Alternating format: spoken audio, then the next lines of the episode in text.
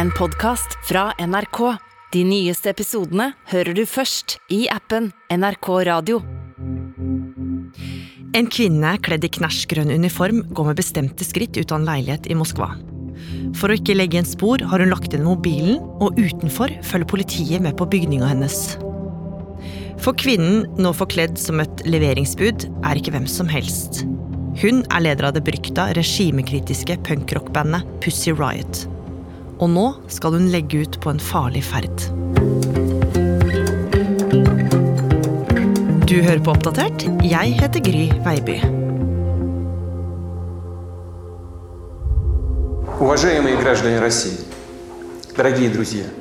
Det er 21. februar i år, og i en russisk fengselscelle så strømmer Putins ord gjennom en radio. Det er en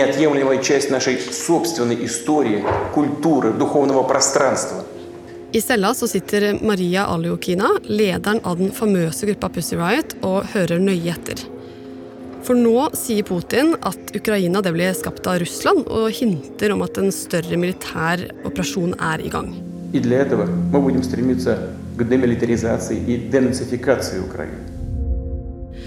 Og når Maria hører det her, så skjønner hun at eh, noe stort er på gang. Og tanker om å forlate landet begynner for alvor å surre rundt i hodet hennes, har hun fortalt The New York Times. Ina Swan, du er journalist her i Oppdatert.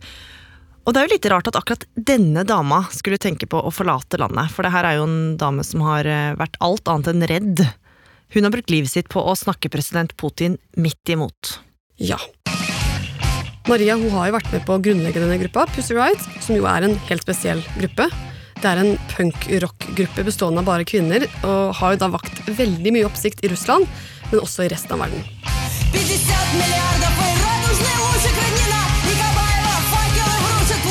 Pussy Riot det starta i 2011 eh, og sprang ut fra et slags russisk kunstnerkollektiv og en, en feministisk undergrunnskultur. Og disse kvinnene de var jo da imot Putin og hans politikk, eh, da spesielt den konservative familiepolitikken og innskrenkingen av homofiles rettigheter, og også sexismen de mente kvinner ble utsatt for i samfunnet. Så de begynte å lage musikk som talte Putin midt imot, og fremførte ofte denne musikken ute blant folk som slags stunts, altså demonstrasjoner. Путин научит тебя любить Родину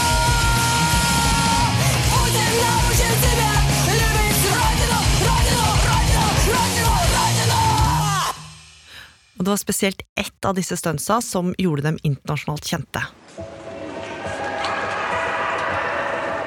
I Kristi Frelsekirken i Moskva i 2012, under en gudstjeneste, så løper da fire damer fra Pussy Riot, inkludert Maria, opp foran det massive gulldekorerte alteret. De har på seg fargerike kjoler og fargerike eh, finlandshetter, eh, og ser ganske ville ut, egentlig. Og begynner da å fremføre en såkalt punkebønn. De synger og hoier og roper og beveger seg masse. Og dette da til kirkegjengernes eh, forferdelse. De synger om at Gud må sende Putin ut, og mens de gjør det, så løper nonner og andre tilskuere i motsatt retning. Og det er et kaos uten like.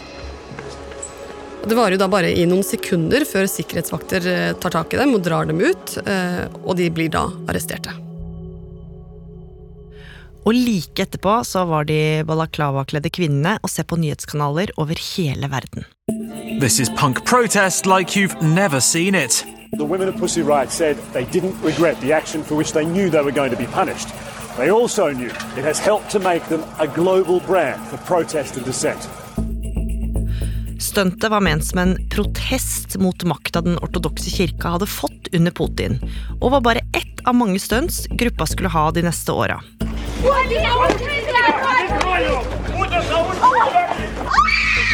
So the girls from Pussy Riot started putting their masks on, and a bunch of Cossacks came out of nowhere and just started beating them up.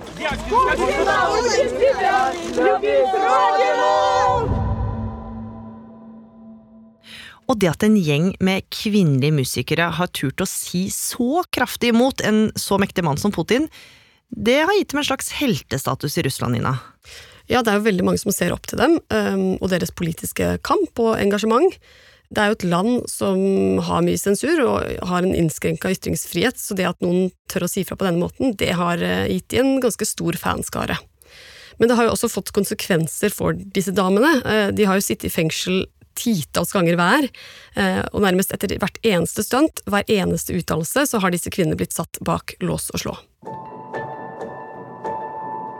Og det var også grunnen til at Maria nå befant seg i denne fengselscella og hørte Putins tale strømme gjennom radioen.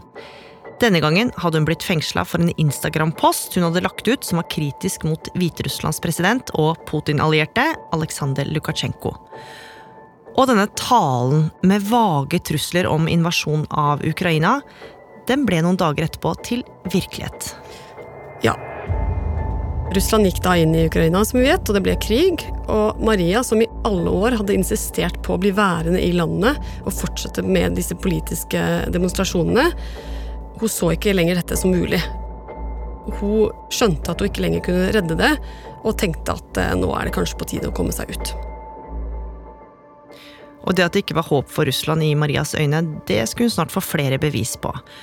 For det tok ikke lang tid etter invasjonen før Putin innførte strenge regler om hva medier og folk kunne si om krigen i Ukraina. Mange i Russland får ikke vite sannheten om det som skjer i Ukraina, og det har blitt vanskeligere for journalister i Russland å rapportere om krigen etter at den nye loven kom. The Kremlin is criminalizing journalism about Russia's invasion of Ukraine. Russian officials are building digital and legal walls to shield citizens from the truth. Med den nye loven risikerte spesielt journalister og aktivister som Maria årevis i fengsel og man spredte det Putin anså som falske nyheter. Og alt det her overbeviste henne bare mer og mer om at hun måtte flykte. Men det var jo ikke så lett, for hun satt jo faktisk i fengsel. eh, Men heldigvis for Marias del så skulle hun få en beskjed som gjorde drømmen om å flykte litt mer realistisk. For etter flere uker i fengsel så fikk hun en beskjed om at hun nå skulle sone resten av dommen i husarrest. Så da ble hun rett og slett flytta fra fengselscella og til den lille leiligheten hun bodde i, sentralt i Moskva. Og der venta kjæresten Lucy Stein. Hun er også Pussy Riot-medlem, og Lucy hun var faktisk også i husarrest. eh, Hadde vært i ett år eh, etter at hun hadde støtta regimekritikeren Aleksej Navalnyj. Så nå var både Maria og Lucy i husarrest sammen, og russiske myndigheter de fulgte nøye med. Ja, de patruljerte jo da utenfor leiligheten jevnlig, har Maria fortalt. Og det var begrensa hva de begge kunne gjøre, eh, hvem de kunne snakke med, eh, og ikke minst hva de kunne uttale seg om på sosiale medier Så alt annet enn en ideell situasjon for to kjente Putin-kritikere. Og det skulle bare bli verre for aktivister som dem. For en måneds tid etter at Russland gikk inn i Ukraina, kom Putin med en oppsiktsvekkende advarsel på TV. Но любой народ, а тем более российский народ, всегда сможет от- отличить истинных патриотов от подонков и предателей. Bak det store skrivebordet av tre gjorde Putin det tydelig at samfunnet måtte renses for det han kalte for forrædere og avskum. Altså de som var imot krigen, eller som satte spørsmålstegn ved hans valg. Og når de var rydda av veien, ville Russland komme styrka ut av det, mente han. Og selv om Maria og Lucy var vant til at russiske myndigheter ikke akkurat ønska kritikken deres velkommen, så var dette en mye hardere linje. Ja, dette var jo hardt selv til Putin å være, eh, og de skjønte jo da at eh, om de ble værende, så ville de være i større fare enn det de hadde vært før. Og I tillegg så skjedde noe annet som skulle få dem til å bli enda mer sikre på at de måtte flykte. Ikke lenge etter at denne talen fant sted, så fant de en lapp på døra, og der sto det at de var forrædere. Så nå begynte de å legge en plan for flukten. Men de skjønte jo at det ikke kom til å bli enkelt, for det her var jo to berykta Putin-kritikere. Ja, de risikerte jo å bli gjenkjent og avslørt. Ikke bare det, de var jo under husarrest, og det er jo ikke så enkelt å komme seg ut av landet når du egentlig soner en dom. Så her måtte det noe litt annet til enn å bare sette seg på bussen og dra av gårde over grensa. Og her hadde de jo en fordel, for de hadde etter hvert ganske mye erfaring de med å klare å unngå politiet. Ja, de hadde jo ved flere anledninger eh, forkledd seg som både menn i frakker og bygningsarbeidere for å unngå politi tidligere, og nå bestemte de seg for at de skulle gjøre det samme. Eh, Da kom de på noe ganske genialt. Eh, De skulle kle seg ut som leveringsbud. Ligner litt på det vi har her i Norge, Foodora f.eks. Leveringsbud og leveringstjenester det hadde blitt veldig populært de siste åra i Moskva. Eh, mange fikk maten levert på døra. Og rundt om i bybildet så var det tusenvis av disse knæsj grønne draktene som dreiv og virra rundt. Så dette var jo en veldig smart måte å ikke tiltrekke seg så veldig mye oppmerksomhet på. Så Maria og kjæresten Lucy de bestilte disse draktene på nettet. Og så bestemte de seg for at de skulle dra hver for seg. Lucy skulle dra først. Og en vårdag for ikke lenge siden så tok Lucy på seg den grønne drakta og leveringssekken, pakka den med noen enkle verdisaker og kjæledyret, rotta Mr. Rat, og forlot leiligheten. Hun sneik seg ut, og det gikk bra. Politiet merka ingenting. Så satte hun seg i en bil med en venn som de hadde avtalt med at skulle kjøre henne til grensa. Og på veien så bytta de da bil og sjåfør flere ganger for ikke å bli oppdaga. Og på en eller annen måte, som Lucy og Maria ikke vil fortelle selv, så klarte da Lucy å komme seg over til Litauen. Og med Lucy i trygghet så var det bare for Maria å vente på riktig tidspunkt til å gjøre det samme. Ja, og nå hasta det litt mer enn før, for Maria fikk nemlig en sjokkerende beskjed. Dommen hun sona, den skulle ikke lenger sones i husarrest, men den skulle sones i en fengselskoloni. Og det er jo ikke bare bare, for fengselskolonier i Russland de er berykta for å være brutale, med lange arbeidsdager, tungt arbeid, men også har det også kommet rapporter om tortur. Så nå hasta det med å komme seg ut. Tidlig mai kledde Maria på seg den samme typen grønne drakt og gikk med bestemte skritt ut av den lille leiligheten i Moskva. Et stykke unna så ble også hun plukka opp av en venn i bil, og så satte de kursen mot Hviterussland. Ja, for i Hviterussland så håpa de at der kunne de komme seg videre til Litauen, der Lucy venta. Ja, men også det var jo veldig risikabelt. Hviterussland hadde jo tette bånd med Russland, og Maria var jo et kjent ansikt også der. Og hvis det ble oppdaga at hun hadde lagt ut på rømmen, så ville hun jo sannsynligvis bli sendt tilbake igjen med en ny straff, og sannsynligvis en enda strengere en. Og I tillegg, så, fordi hun sona denne dommen, så hadde hun jo ikke pass. Det hadde politiet tatt fra henne da hun kom i fengsel. Så dette her kom ikke til å bli enkelt. Og det ble det jo heller ikke, for selv om Maria kom seg ut av Russland og inn i Hviterussland, så var jo ferden langt fra over, for hun måtte jo videre. Ja. Hun forsøkte da å krysse grensa fra Hviterussland over til Litauen. Men hviterussisk grensepoliti de sa nei. Hun hadde verken pass eller de riktige dokumentene med seg. Og heldigvis, pga. det Maria selv beskriver som noen litt naive grensevakter, så ble hun rett og slett bare sendt bort fra grensa igjen. Ja, så hun fikk rett og slett bare gå. Men Maria ga seg ikke. Nei, nok en gang så tok hun stor risiko og dro tilbake til grensa og forsøkte å komme seg over. Men hun fikk fortsatt nei, ble heldigvis da ikke arrestert denne gangen heller. Men hun skjønte jo nå at hun måtte legge en ny plan, for det å bare prøve å komme seg over grensa, det funka ikke. Så det hun gjorde, det var at hun la ut følere hos det internasjonale kunstnernettverket sitt. Hun ba rett og slett om hjelp, spurte der om er det noen her som kan hjelpe meg med å komme meg over til Litauen på en eller annen måte. Og mens hun venta på hjelp, så måtte hun holde en lav profil, for hun oppdaga nå at hun rett og slett hadde blitt satt på ettersøkt-lista i Russland.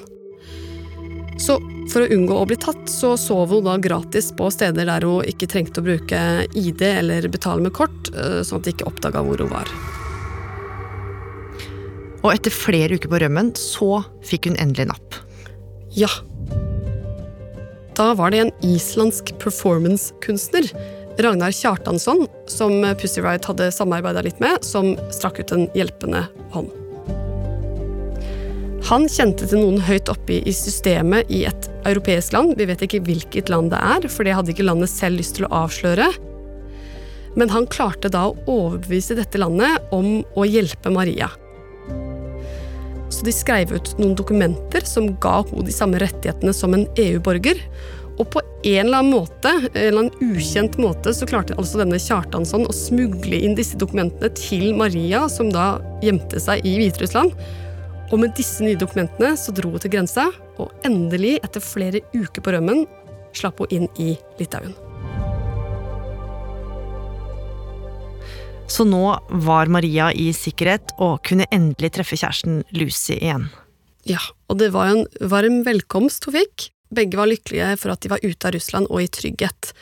De har jo begge sagt i intervjuer at de syntes at det at de klarte å rømme på denne måten, var et ganske bra fuck you til russiske myndigheter og Putin.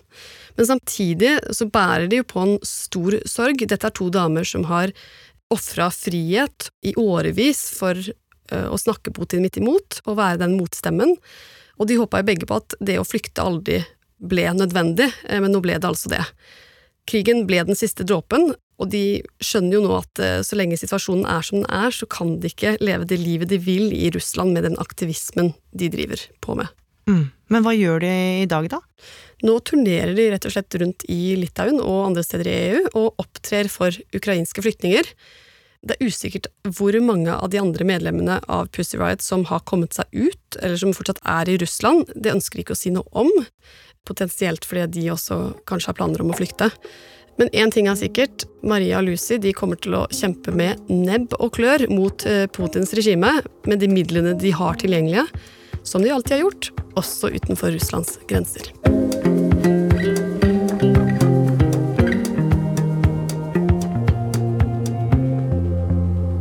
Du har hørt på Oppdatert, en podkast fra NRK Nyheter. Og denne episoden er laga av Ina Swann. Andreas Berge. Og meg, Gry Veiby. Programredaktør er meg, Knut Magnus Berge. Lyden du har hørt, kommer fra On Demand News, CNN, Vice, The Guardian og NRK. Har du tips eller innspill, send oss gjerne en mail på oppdatert krøllalfa nrk.no. Og du, likte du det du hørte, så må du gjerne tipse en venn om oss. Og så smalt det noe kolossalt, da. For 80 år siden starta tungtvannsaksjonene som skulle hindre at Nazi-Tyskland fikk laga atombomber. Ich brauche 5000 Kilo. Hva skjedde egentlig før, under og etter sabotasjeaksjonene på Rjukan under andre verdenskrig? 170 svære amerikanske fly de fylte jo hele luftrommet her. Tungtvannsaksjonene hører du først i appen NRK Radio.